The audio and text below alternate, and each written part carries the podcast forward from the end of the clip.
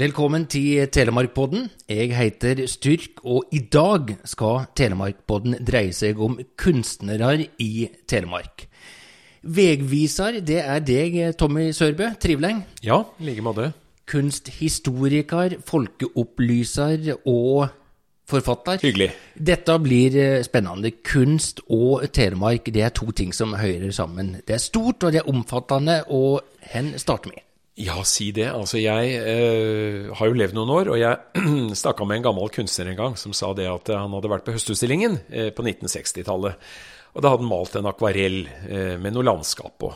Og så hadde han snakka med en eldre maler eh, om hva han skulle gi bildet av tittel. Og så sier den eldre maleren til den, kall det noe med Telemark. Finn deg et navn i Telemark. Da selger det, skjønner du. Så det sier jo litt om at Telemark og kunst det har alltid vært knytta sammen. Vært kommersielt interessant, og i hvert fall de siste 200 åra vært eh, eh, dynamitt, altså, på en eller annen måte. Men på hvilken måte da? Folk forventa at kunstnere skulle dra til Telemark. Det begynte de med allerede tidlig på 1800-tallet, sånn som f.eks. Johan Christian Dahl, han som vi gjerne sier er Norges første maler. Det er klart det var jo kunstnere før han også, men han var den første profesjonelle kunstmaler. Og han interesserte seg veldig for Telemark. Og noe av grunnen til det, tror jeg, er at hvis du ser på de aller eldste kartene over Telemark, så er resten av Norge ganske detaljert med stedsnavn og detaljer, eh, navn på fjelltopper og vann osv. Men når du ser akkurat på området, særlig det indre Telemark, så er det bare et hvitt felt. Det er eh, en hvit, bokstavelig talt, flekk på kartet. Og det er klart at kunstnerne hadde nok da en drøm om at der lå det, om ikke et paradis, så i hvert fall noe spennende, uutforsket, magisk et eller annet eh, som Dette var jo midt i romantikken tidlig på 1800-tallet, og, og, man var opptatt av stolte situasjoner, som eh, den tyske filosofen Emanuel Kant eh, skriver om. Eh, altså høye fjell, isbreer, fosser, eh, store, mørke skoger. Alt som var hemmelighetsfullt, og som var langt borte fra by og stress og eh, hverdagsliv for disse malerne, som jo stort sett bodde mesteparten av sitt liv i utlandet. Isedal var jo professor på kunst kunstakademiet i Dresden, født i Bergen, fattig fiskegutt, men han var en del av denne forestillingen om at eh, i naturen så lå det noe eh, spennende og magisk, og ikke minst i folkedypet. Og Derfor så reiste han, eh, bodde som sagt i Tyskland, hvor han malte sommermotiv fra Norge, vinterstid i Tyskland. Det var sånn de arbeidet. Thomas Fearnley, I.C. Dahl, Cappelen. Cappelen, tenk på han, er jo fra Telemark, fra Ulefoss. Eh, og er en litt eh, yngre generasjon enn I.C. Dahl, men de var veldig fascinert av denne hvite flekken på kartet. Så I.C. Dahl han reiser da på en sånn telemarkstur, og får da høre rykter om at det finnes en foss oppe i Vestfjorddalen. Og den er nesten en kilometer lang. Det er helt vanvittig ryktene går blant kunstnerne om eller hvor svær denne fossen er. Rjukanfossen, da. Ja. Eh, og han blir nok litt sånn paff når han kommer opp og ser at den er vel ikke så fullt så lang, men den er stolt og flott og dramatisk, og han maler mange bilder. Eller det vil si, det var jo ikke sånn at han hadde med seg staffeliet og hadde malesaken og rigga seg til ute på stupet der foran Telemarksfossen, øverst oppe i Vestfjorddalen. Han eh, hadde med seg skisseblokk, tegneblyanter, og så lagde han skisser der. Og så tok han med seg de tilbake igjen. Og så satt han trygt og varmt vinterstid i Tyskland og malte Norge, eller drømmen om Norge. Og, og slik var det han jobba, kun skisser ute i røndommen? Mer eller mindre bare skisser. Det var sånn kunstnerne jobbet på den tida. Det var jo først da tubefargene kom, og man kunne Husk på, altså langt tilbake så måtte man kunstnerne rive farven selv. De måtte blande det. Det var en møysommelig prosess. Eh, og, og de brukte riktignok noen sånne eh, blærer, okseblærer til å ha nok dagsrasjon hvis de skulle sitte ute og male, men det var mye styr. Så det der med å sitte ute i naturen, det var noe som først kom for 150 år siden. For 200 år siden så var det vanlig å stå inne på atelieret og gjøre Telemark enda mer Telemark enn Telemark i virkeligheten er. Så det der med å, å, å drive sånn Photoshop på ting, det drev disse kunstnerne her med også. Så da dro de på med romantiske element så det kosta etter Da dro de på, og det mest kjente er jo dette her bildet som jeg viser deg her, Styrk, eh, fra eh, Rjukanfossen. Det er jo helt ikonisk, og det er jo Norsk Hydro som eier. Ja. Så her ser du i forgrunnen noen søndagskledde, eller bunadskledde bønder En, en mann, selvfølgelig, i telemarksdrakt, og en kone ved siden av, og et lite barn. Og de står med ryggen imot oss ute på kanten av stupet. Og jeg tror han må ha rigga det veldig til, for jeg har vært der oppe, og det er ikke helt sånn det ser ut i virkeligheten. Og så speider de utover. Eh, og så ser man i sentrum av bildet, i det vi kaller eh, midtdelen, eller forgrunn, mellomgrunn, så ser du den rykende fossen, som jo Rjukan kommer av, styrter seg ut. Også i bakgrunnen da Hardangerviddas fjell fortaper seg innover i det fjerne. Og måten å sette opp dette bildet på, det er en sånn grammatikk. Altså, vi skal identifisere oss med de bøndene som sitter i forgrunnen. De sitter så å si på benkeraden foran oss i teatret, og når de peker og skuer innover, så sier de til oss 'gjør det samme som oss'. Skjønner du? Ja. Ikke sant? Her er den ville, frie naturen. Dette er vårt nivå. Eh, men er det og, grunn til å tro at det var bunadkledde folk der? Nei, i det hele? Det, det, tror jeg kanskje, men ikke akkurat på denne måten. Det er klart at han, Dette er noe han hadde lært. Det var noe som var mote på den tida. Eh, plasser disse Man kaller det til og med for eh, staffa, ryggvendte staffasjefigurer. Oh, ja. Så det, det, det, er teatereffekter, dette her. Og så var det selvfølgelig dette at Eh, det skulle uttrykke stedets egenart, og da er det jo greit å spa på med en bunad eller tre. Og da var det, eh, så, så, På en måte så kan man si at dette bildet, og tilsvarende bilder fra samme epoke og litt seinere, det ga telemarksbunaden en klang av det urnorske. Så telemarksbunaden konkurrerte nesten fram til dags dato med hardangerdrakten om å være selve eh, liksom det viktigste nasjonale plagget. Hvor kan vi se dette bildet i dag? Da? Eh, det er en del av Norsk Hydros samling, men nå er, nå er, det utlånt til eh, Tinnfoss-museet, altså Telemarksgalleriet oppe på Notodden. Og Der kan man se dette storslåtte maleriet i dag. Så, eh, men Dahl han hørte jo med til romantikernes eh, generasjon.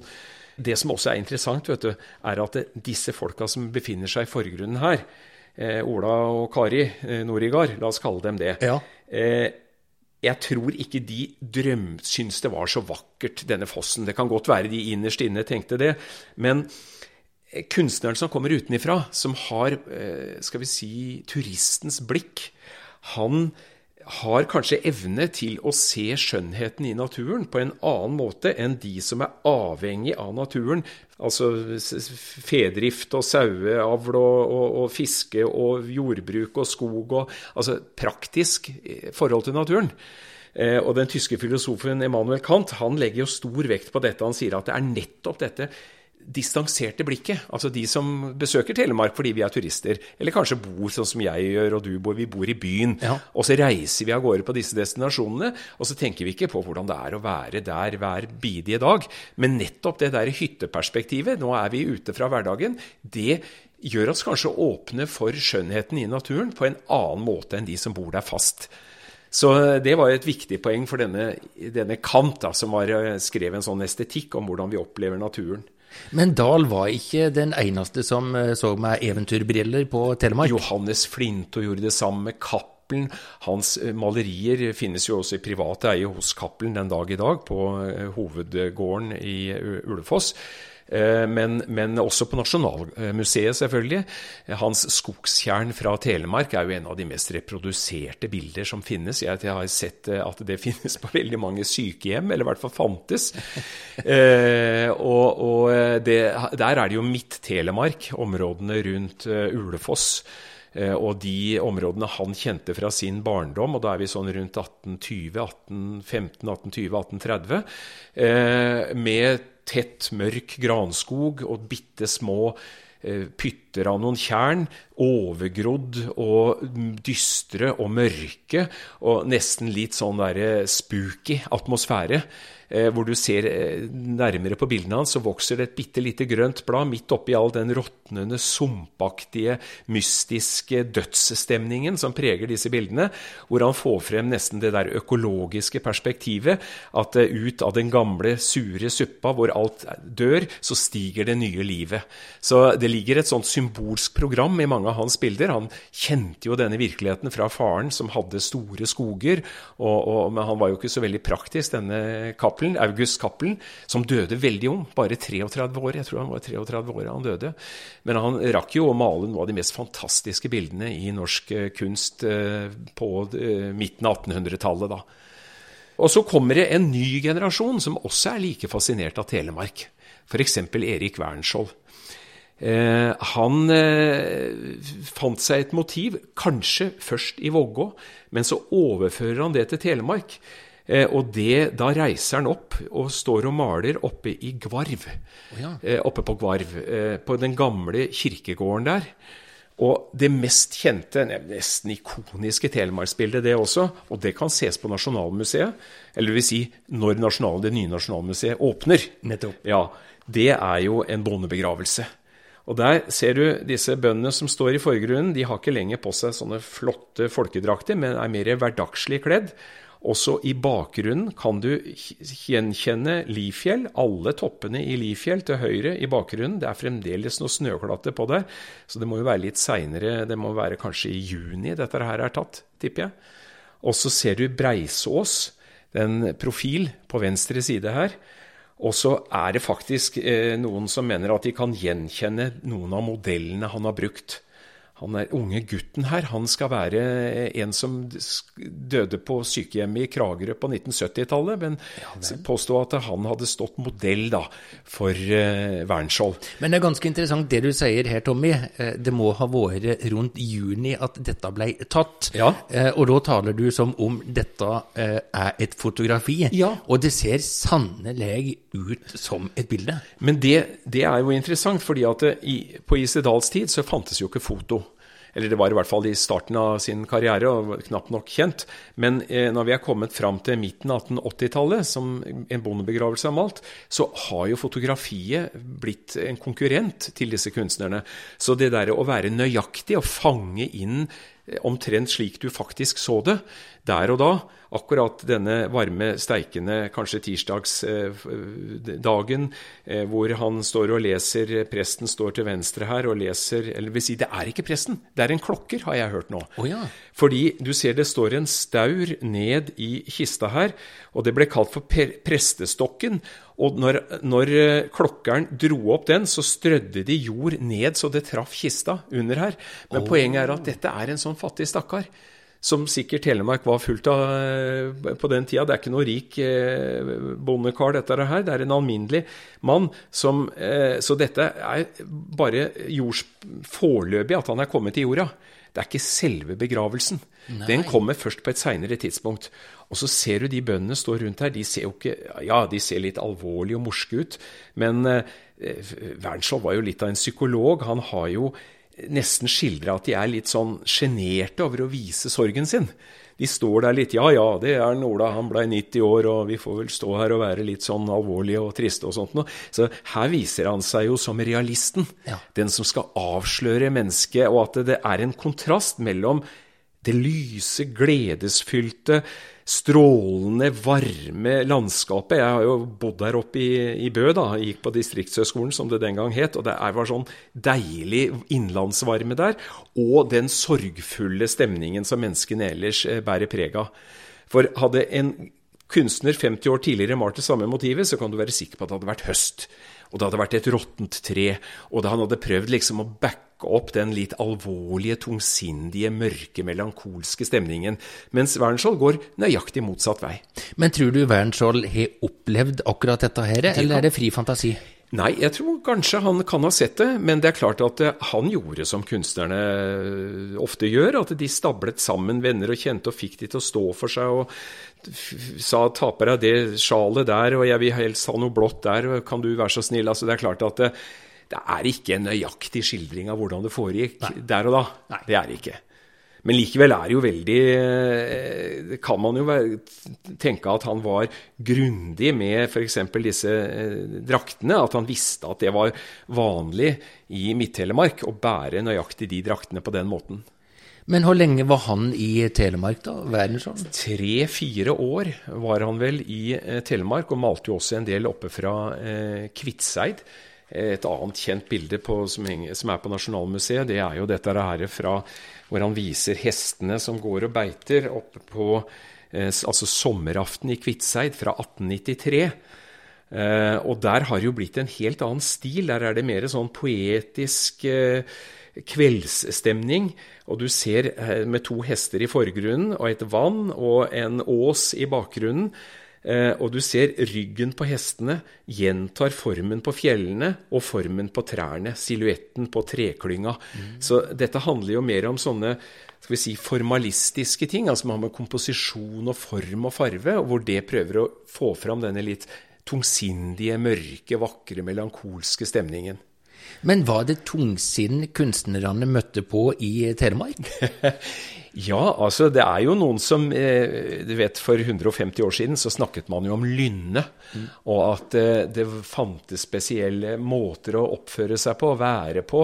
Og det kunne, var forskjell fra Setesdal og Telemark og Sørlandet. Eh, og jeg som er født på 50-tallet, jeg kan jo enda huske at vi Eh, vi hadde en lærer, hun var fra Sørlandet, hun hadde sånn mild dialekt. Og det var akkurat som om dialekten og væremåten hennes forbandt vi med sørlandsnaturen. Eh, og det, det, Jeg har funnet en Einar Røstvedt, eh, som var, eh, har skrevet veldig mye om telemarkskunst. Og han snakker jo om at telemarkslynnet var mørkt og innadvendt og litt sånn mystisk og hang til fantasering og kanskje ikke alltid veldig sånn pragmatisk og eh, realistisk. Og at eh, Henrik Sørensen f.eks. i sine bilder ønsker å skildre dette lynnet. Men du vet at etter krigen og etter, eh, altså i vår tid, så er det jo ikke politisk korrekt å begynne å snakke om at folkeraser eller folkesjeler og har et spesiell væremåte som skiller seg fra andre. Men på denne tida så var lynnet lov til å tale om, og det var kanskje litt tungsinn da, i, i ja, Telemark? Og da har vi jo en kunstner som heter Halvdan Egedius, som levde i åra etter, eller som var, levde jo parallelt med Wernskjold. Wernskjold ble jo en gammel mann, døde ikke før i 1938. Men Halvdan Egedius han var en, eh, ble jo dyrka som et slags vidunderbarn i kunsten. Og han reiste opp til Telemark litt eh, tilfeldig, tror jeg. Eh, og eh, som, Da var han bare 16-17 år. Og eh, der oppe så traff han en som ble veldig viktig i hans eh, kunst, nemlig eh, Statsklev, som jo er en bøkunstner en lokal kunstner som kanskje ikke er så stor kunstnerisk sett, men hvor dette vennskapet med denne bråmodne unge gutten som kom fra Kristiania, ble veldig viktig. Og et bilde som er sentralt der, det er jo 'Drømmeren' fra 1895. Og der ser du det. Det er malt oppe i Bø, eh, eller oppe i stua eller hytta til eh, Torbjørn Statsklev. Um, og der sitter Statsklev sjøl på en kubbestol midt i bildet, og så er det en diger peis i bakgrunnen. Og han sitter litt sånn ubekvemt og stirrer ned på en dansende lysflekk foran seg. Og han er jo der et bilde på den melankolske, mørkstemte innadvendte personen. Og det skulle ikke forundre meg om eh, Egedius Tenk på altså, han var 18 år da han malte det bildet der. Det er ganske utrolig. Ja. Men jeg tror at han har da tenkt at her fremstiller jeg telemarkingen ja. som, som en drømmer. En som sitter og du ser Han ser ikke ut av et vindu, for det er jo romantikkens bilde. Det er en ryggvendt figur som ser ut mot en foss og drømmer seg bort, eller stirrer ut gjennom et vindu. Gjerne en kvinne som ser på livet der ute. Eh, men han ser indirekte på lyset, som kommer fra en lyskilde vi ikke ser, nemlig vindu. Ja. Eh, og er da et bilde på den som hva skal jeg si, Han ser ikke direkte på objektet, men han ser indirekte på eh, Det er det samme som et veldig kjent maleri som heter 'Tonen' av, av eh, Christian Skretsvik. Hvor du har denne gutten, denne gjetergutten, som stirrer ned i sjøen på gjenskinnet av månen og leter etter tonen Han skal spille seljefløyte, mens her er det jo eh, Det er kunstneren som grubler og venter på inspirasjonen. Og så ser du at farvene her de er blitt litt sånn mørke og glødende. Og det er jo innledningen til en forestilling om at Telemark hadde en spesiell fargeskala i rosemaling, i folkekunsten, og at eh, profesjonelle kunstmalere, de som hadde gått på Kunstakademiet ute i verden, de skulle lære av de lokale. Hva var typisk for denne fargeskalaen fra Telemark? da? Hva prega den? Mørke mørke, glødende farver. Eh, litt jordfargekoloritt. Noe som jeg kan huske var populært på 70-tallet. 1970-tallet kom jo det igjen. Eh, og det er klart at en av de helt sentrale der, det er jo Thorvald Eriksen. Og igjen kan man se det bildet på Nasjonalmuseet i Oslo. Så Nasjonalmuseet i Oslo er jo full av telemarksmotiver. Og det heter rett og slett Fra Telemark. Og det er da antageligvis eh, eh Kvitseid som han har malt. Eh, et eh, bilde som er helt ikonisk i norsk kunstsammenheng, fordi det etter den 90-tallet, hvor man snakker om nyromantikken, som Egedius var et godt eksempel på, hvor fargeskalaen er mørk, og hvor det er liksom melankolske, tungsindige, grublende menn som sitter og tenker at nå er kulturen over, og alt går til helvete, og vi bare drømmer oss bort. Altså fin de siekel, som han kalte det. Edvard Munch er et godt eksempel på den typen kunstner. Så er det et farvesprakende bilder her fra eh, Kvitseid, med kraftig motlys og med denne varme, tunge, tette innlandsstemningen. Og den har, hvis du ser på silhuettene i eh, trærne her, så har den nesten noe sånn Det hopper og spretter. Litt lik samme linjeføring som Thorvald Eriksen mente å ha sett i treskuren. I eh, måten man skar ut figurer i eh, stavkirker, og også i rosemalingen. Ja. Så, så, så, dette var da preget av Du kan si at mens kunsten fram til dette tidspunkt var, hadde et formspråk som var internasjonalt altså Kall det godt tysk, fordi mm. Norge hadde så nær kontakt med Tyskland. Så forsøkte kunstnerne rundt år 1900, eller kanskje 1890-1900, å etterligne det de oppfattet som et nasjonalt formspråk. De hadde sin ballast, selvfølgelig, kom med sin, alt sin kunnskap og, og, og, ikke minst sin sosiale status. Kan du tenke deg hvordan det må ha vært for kunstnerne som kom her med alpelue og rødvin og, og sin kulturelle ballast ute fra den store verden. Og så møter du Ola og Kari her oppe, og så skulle din eh, eh flotte bymannen, som har, eh, er superkjendis i sin tid, lære av den enkle bonden. Hvordan det må ha foregått i praksis, det skulle jeg likt å se. Men i hvert fall så er det en sånn fusjon da, som skjer mellom folkekunsten og den store kunsten, som er veldig typisk for eh, denne tida her. Det må jo ha vært en kulturkollisjon ut av milde? Altså, Der verden ja, det, banker på dynna til Telemark? Det må jo det. Ja. Henrik Sørensen skriver litt om det. Eh, han levde jo da på midten av eh, Eller på slutten av 1800-tallet og utover på 1900-tallet. Han døde rundt 1960. Eh, og han forelsket seg så i Telemark at han lagde en sånt dikt om Telemark, mi brur, kalte han det. Hvor det han nærmest maner fram en sånn der erotisk stemning av sitt forhold til jordsmonnet og menneskene og dialekten og alt i Telemark. Og Det er et uendelig annet perspektiv enn hvis vi rykker noen år tilbake da, og tenker på f.eks. Theodor Kittelsen som jo også er en veldig sentral kunstner det, eh, fordi han er vokst opp i Telemark, i, i, det som i dag heter Kittelsen-huset, og som står og er et fantastisk flott museum hvor man kan oppleve noe av hans kunst. Eh, hvor han bodde til han var fem år. Eh, han skildrer jo da i noen av sine første tegninger stemningen i en liten kystby i Telemark. Og det er så langt unna den der forestillingen om Ur-Norge som du kan komme hos kunstnerne rundt år 1900. Han, han, han, eh, har en serie som heter 'Fra livet i de små forhold'. Jeg vil si det er nesten en forløper for Donald Duck. Eh, det er riktignok ikke ender han skildrer, men det er frosker.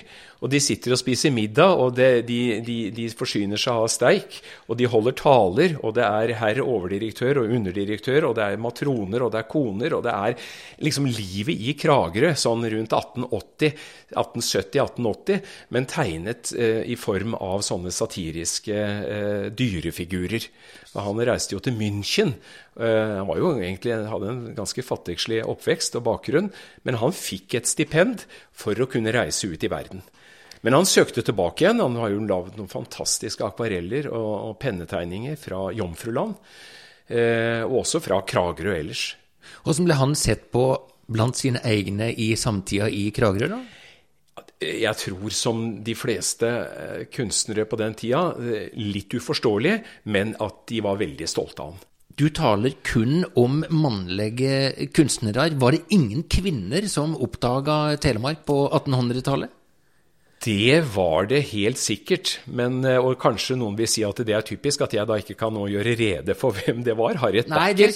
Harriet Backer var jo en tur innom disse trakter. Eh, Men, eh, men det er jo først Altså, kunsthistorien er beklageligvis, eller heldigvis, eller hvordan man nå enn ser på det, så er det mennene som dominerer. Absolutt. Så eh, du setter meg litt på plass der, Styrke. Nei, men Det er de som gjør seg gjeldende. Det, Ja, ja, er, det, er, det- det er karene. Det er karene som gjør seg gjeldende. I hvert fall på 1800-tallet. Absolutt. Hva tenker du eh, Telemark har fengt å si i nasjonal sammenheng på 1800-tallet? Hva er det viktigste eh, som, som har kommet fra Telemark til verden? Det er jo da forestillingen om at eh, kunst er noe som springer ut fra folkesjela, fra en enkel og oppriktig og ærlig måte å være i verden på. Og at bylivet og øh, moderne sivilisasjon Vi syns vel kanskje ikke 1800-tallet er så veldig moderne, men det var det i forhold til 1700-tallet i hvert fall. Eh, og at det skulle redde verden på en eller annen måte. Det hadde en moralsk eh, fortrinn. Og at, eh, og at bøndene ikke bare var eh, noe bondske, for å si det sånn, eh, og fjerne og, og dumme og eh, ulærde, men at fornyelsen skulle komme også fra vanlige mennesker, som, fra folkedypet, for å si det sånn. Telemark ble etter hvert et varemerke, kan du si, for at dette var eh, real. Det var noe sunt og ærlig og, og, og vakkert og umiddelbart og direkte. I forhold, Ekte. Ekte. I forhold til det jålete, urbane og glattslikka internasjonale. Så allerede på 1800-tallet får Telemark den klangen av å være eh, Ur-Norge, og at vi skal være stolte av det. Men det at eh, Telemark var et kvitt felt på de gamle karta, gjorde det òg at eh, kunstnerne fikk vel mye fri fantasi til å eh, fortelle en historie som kanskje ikke var helt eh, sannferdig? Ikke sannferdig etter vår målestokk. Det er klart de la sine egne drømmer og tanker og forestillinger og forutsetninger inn i dette, og brukte det for alt hva det var, eh, hva det var verdt. Når noe er gjemt bak et forheng, når noe er sladda, så er det det som du lurer på hva som er bak sladden. Hvorfor må har noen sladda dette her? Det er en sånn merkelig logikk akkurat i det som er dypt menneskelig, tror jeg. Nemlig. Her taler du hele tida om eh, måleriet. Var det, var det kun det som var kunst i eh, Telemark eh, før 1900? Nei, altså hvis du går til folkekunsten, skille mellom den profesjonelle kunsten og folkekunsten, så er det klart at det treskjæring eh, og, og, og snekring og rosemaling og kveing, eh, diktekunst, eh, fortelle soger og eventyr Alt dette er jo en levende og interessant del av eh, kulturen. Eh, Men liksom det er jo stor forskjell på høykultur, finkultur på den ene sida, og mer folkelig kultur på den andre sida. Eh, og det som jeg syns er utrolig fascinerende med denne telemarksinteressen, er at det, på et tidspunkt hvor jeg tror de lokale rosemalerne begynte sjøl å synes om sine egne ting, at det var litt vel harry og vel tuslete, og at det er bedre å kjøpe ting i en møbelbutikk og få det fint fra byen, så kom plutselig byen til dem via disse kunstnerne og sa ja, men kjære deg, det du gjør er jo fantastisk. Å, sier du det? Er det fantastisk, det, Geir? Ja, det er helt genialt. Det er noe du skal lære. Ikke lære av oss, det er vi som skal lære av deg.